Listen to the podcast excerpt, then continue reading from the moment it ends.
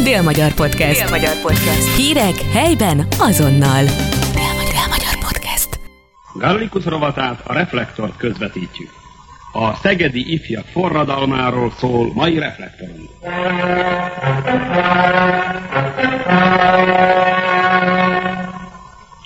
Vihar van Szegeden, pusztító vihar.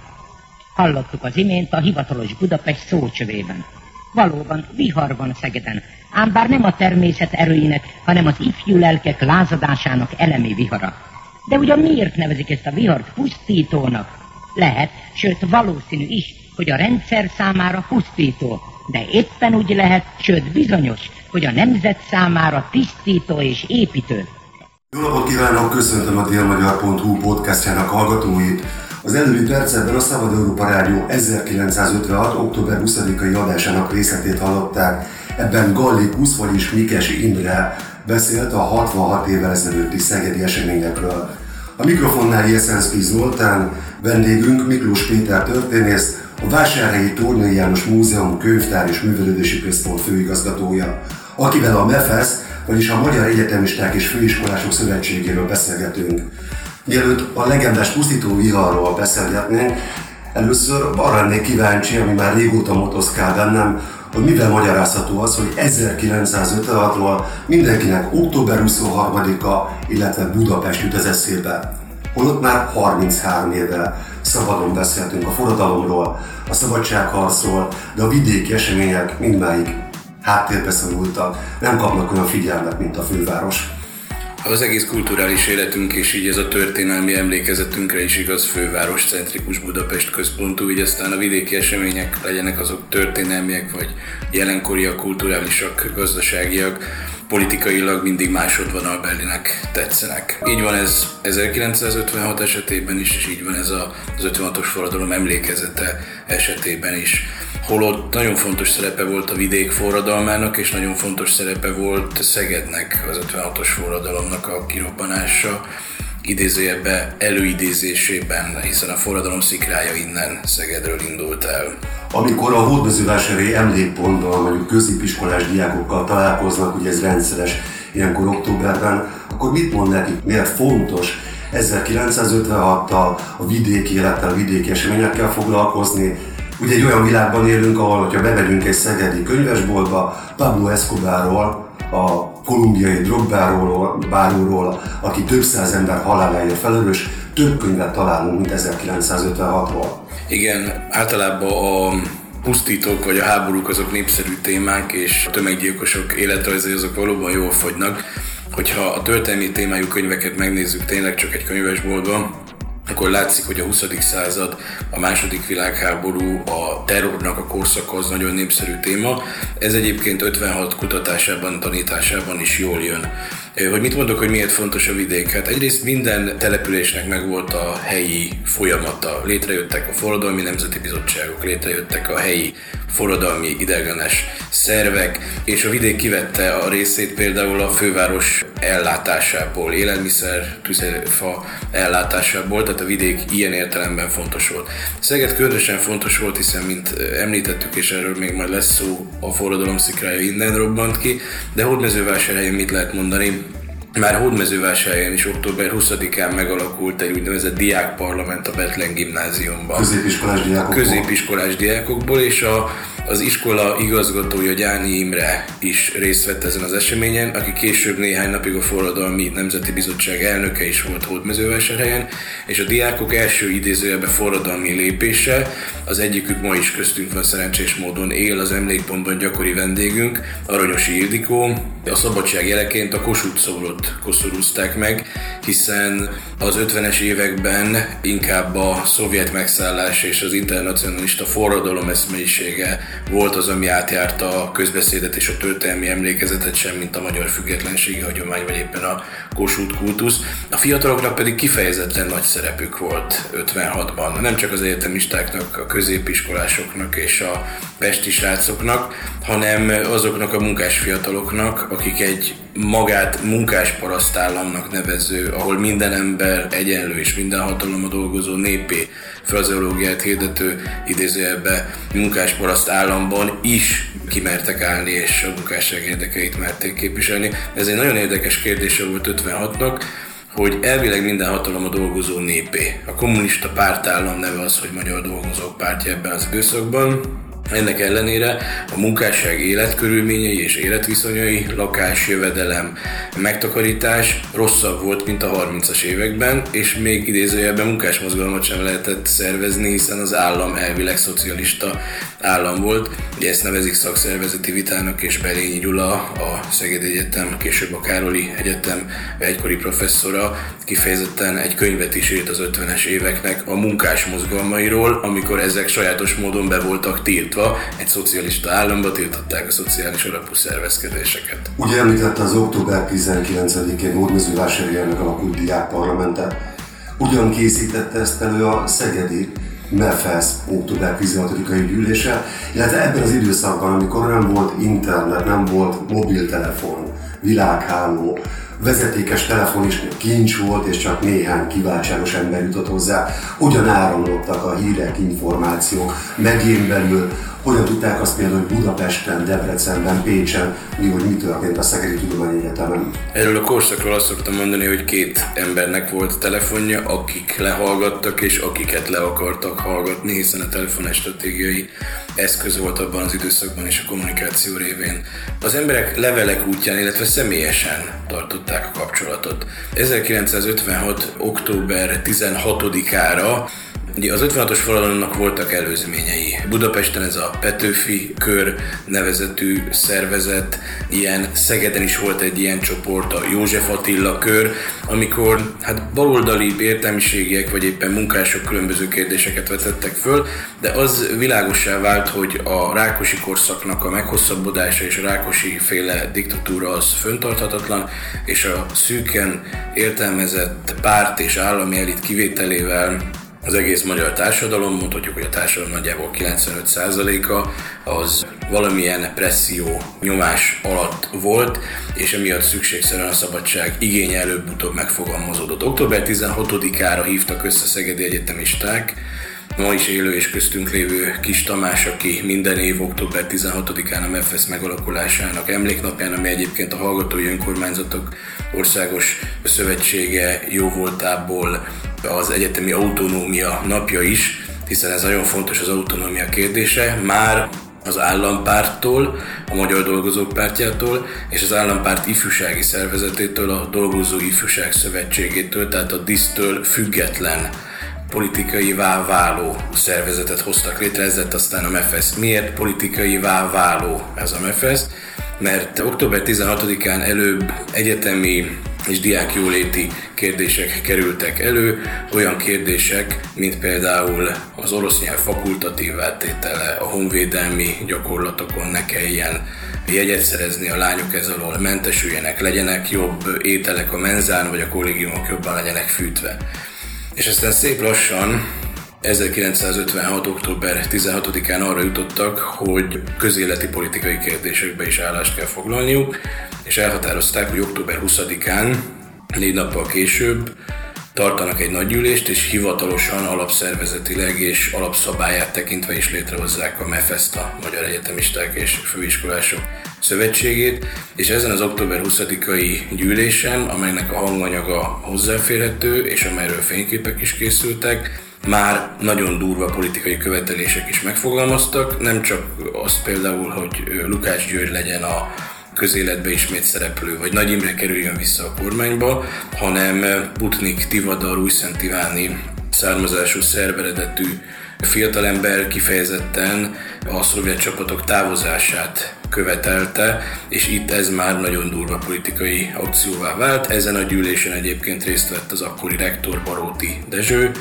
az egyetemi ifjúság nagy pártolója, akit egy 57 márciusi beszéde után aztán börtönbüntetése is ítéltek, és börtönbe töltött néhány évet egyébként Radnóti Miklós barátja, kiváló irodalomtörténész, francia és magyar irodalmi hagyománynak remek kutatója, vagy Fodor Gábor akadémikus, perbíró József városi forradalmi vezetésnek a tagja, tanácselnöke, később tanácselnök helyettes, a jogi kar DK helyettese, és természetesen a fiatalok százával 800 és 1200 fő közé teszik a résztvevőknek a számát. Kis Tamást, aki napjainkban is aktív és a hallgatói mozgalommal jó kapcsolatban van, választották titkárává, de Tóth Imre, vagy Lejtényi András, vagy Gönc neve is említést érdemel azok közül, akik ennek a vezetői voltak, és hát természetesen itt határozták el egy a pártállamtól és a pártállam ifjúsági szervezetétől független csoportnak a létrejöttét, megfogalmazták a maguk követeléseit,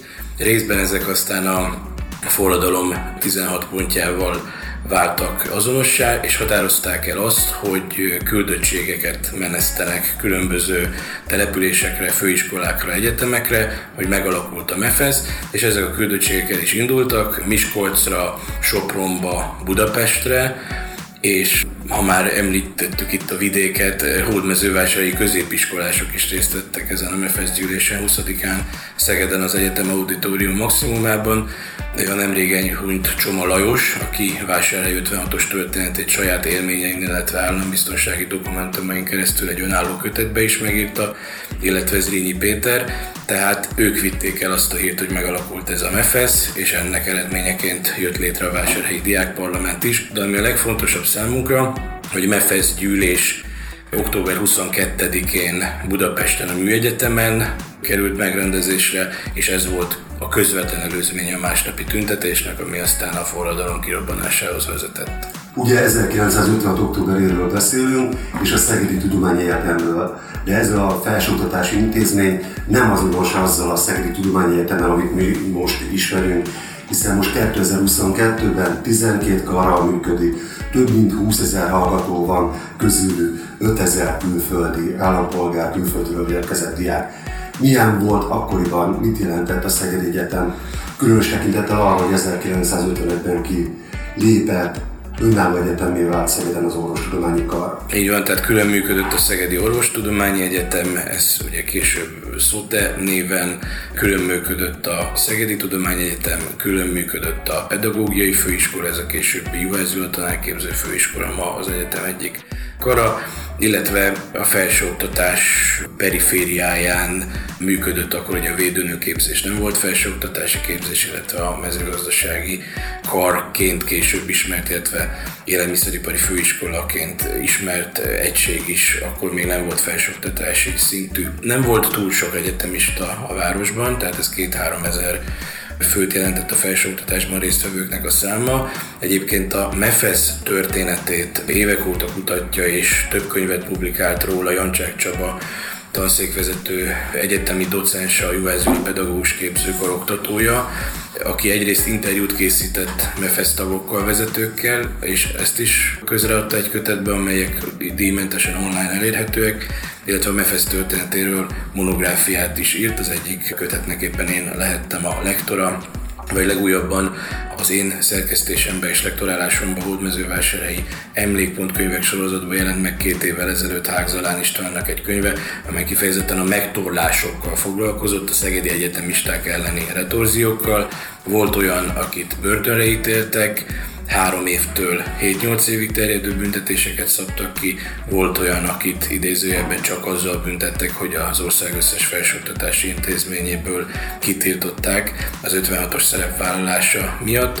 A pedagógiai főiskoláról pedig Fiatal Szívek Forradalma címmel Nagy István egykori tanszékvezető főiskolai tanár állított össze könyvet, tehát meglehetősen jól kutatott és, és alaposan ismert 56-nak a szegedi és a szegedi felsőoktatás béli története, és ennek minden évben ünnepi gesztusa, részben a hallgatói önkormányzat szervezésében, részben pedig az Egyetem 56-os Emlékbizottsága szervezésében amelynek én magam is tagja vagyok, az október 16-ai koszorúzás, amikor a forradalom idézőjelbe szikráját ünnepeljük, és a fiataloknak azt a példamutató kiállását, hogy a diktatúra ellen a demokratikus polgári európai értékek védelmében ki lehet és ki is kell állni, és az értelmiségnek ez egy hivatása, és az értelmiségi pályára készülőknek ez egy fontos feladata, hogy kritikai gondolkodással és a, a diktatúrák ellen mindig föllépjenek. Ugye Szegedet említettük, Hódműzvásárhelyet említettük, de a megye többi településen hogyan élték meg ezeket a napokat?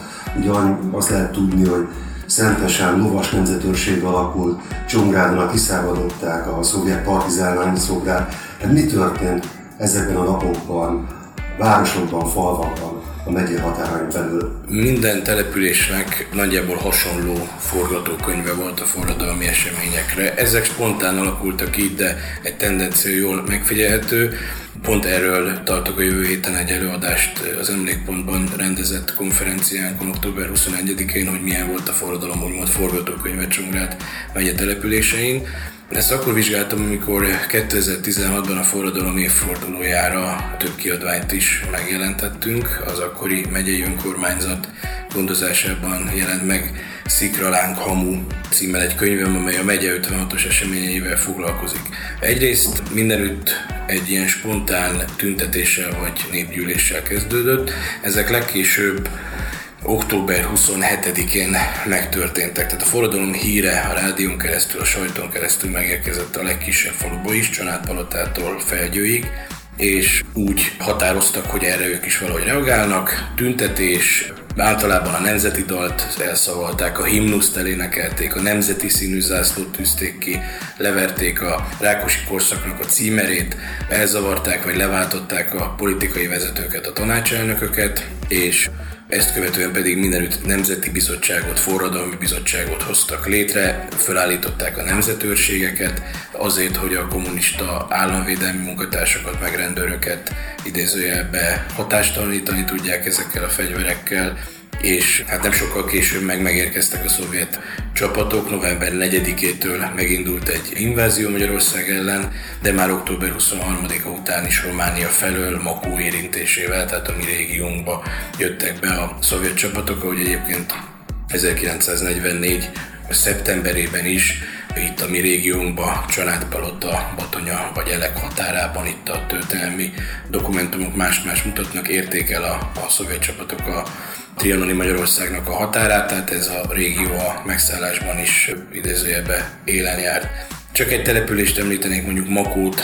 Makó 56-os történetét is többen földolgozták, emlékiratok is kiadásra kerültek. Bálint László állambiztonsági kutató az állambiztonsági szolgálatok történeti levéltárának forrásai alapján írta meg a történetét. Ott például a helyi József Attila gimnázium diákjai jártak élen a forradalmi mozgalmak szervezésében, Institori Szildikó nevű hölgy volt az, aki a Kossuth címert vitte, vagy a Kossuth szobor meghosszorúzásában vett részt, és később őt is megbüntették, vagy például Hódmezővásárhelyen a Betlen gimnáziumnak a végzős növendékei a nemzetőrség létrehozásakor csatlakoztak a nemzetőrökhöz, és úgy járkáltak a városi rendet föntartandó, ugye Hódmezővásárhely volt akkor Csongrád megye székhelye, 1950-63-ig, hogy egy fegyvertelen diák és egy fegyveres nemzetőr járkáltak. Egyébként, hogy mennyire készültek a kommunisták is arra, hogy valami történni fog, arra pont egy hódmezővásárhelyi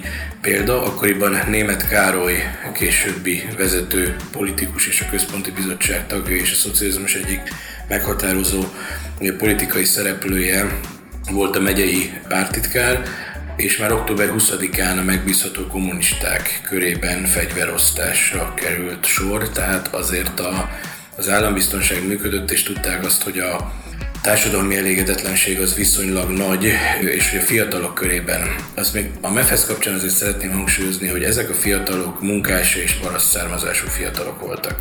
Ugye a szocializmus korában azt mondták, hogy 56 egy ellenforradalom volt, és valami reakciós, idézőjelben hortifasiszta az előző rendszerből szalajtott embereknek a restaurációs vagy egyéb törekvései jelentek meg. Nem, ezek azok a munkás és paraszt származású fiatalok voltak, akik az 50-es években egyetemre kerültek, és megtapasztalták az államosítás, a szövetkezetesítés, a TS-csék világának, a kollektivizálásnak az embertelenségét, a falun városba a társadalmi rétegek elleni összehangolt kommunista támadást, tehát gyakorlatilag a rendszer a kommunista diktatúra áldozatai voltak, maguk is munkás és parasztszármazású fiatal emberek, akik a saját bőrükön tapasztalták meg azt, hogy az, amit az egyetemen tanulnak az ideológiai tárgyak keretében, az egyáltalán nincs köszönő viszonyban sem a valósággal, ami, ami egy kőkemény kommunista diktatúra. Ez azt jelenti, hogy mondjuk demokráciát akartak a mai értelemben? Demokrácia. És akkor honnan tudták? Tehát, hogy számomra az az érdekes ilyenkor, hogy van egy olyan társadalmi közleg, ami pártalanként működik, ahol, és főleg fiatalok körében, ahol nem volt élő, kézzelfogható tapasztalata arra, hogy mit jelent az, hogy különböző érdekeket összehangoljuk bármilyen testületben.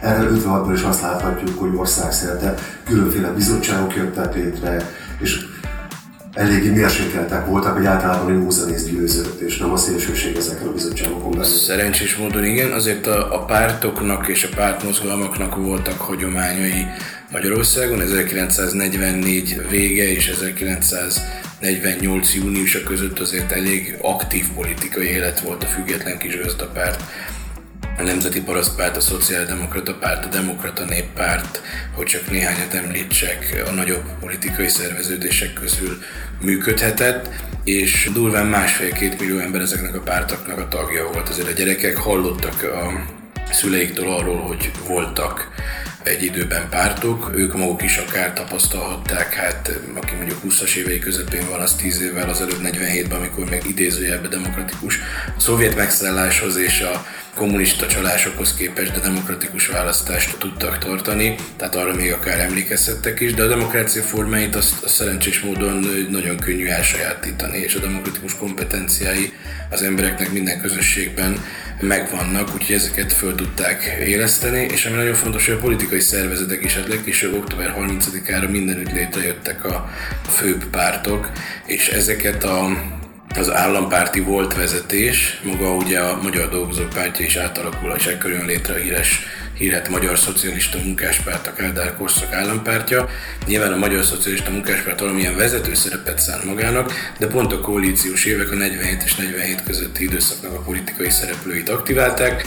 Egy példát, hogy említsek, a megyei Nemzeti Bizottság elnöke Erdei István egykori szociáldemokrata parlamenti képviselő volt, aki az ellene az 56-os szerepvállalása miatti politikai perben is elmondta az utolsó szó jogán, hogy azt, hogy ő nem lenne szocialista, ezt kikéri magának, mert hogy ő baloldali szocialista, és a szocializmusnak az eszmét a szociáldemokrata munkás mozgalomba tanulta, és ott két dolgot sajátítottak el. Egyrészt, hogy érvel és nem erőszakkal lehet legyőzni a másikat, a másik pedig, hogy nem diktatúrát, hanem demokráciát kell építeni, akkor valósul meg a szocializmus és a munkás állam.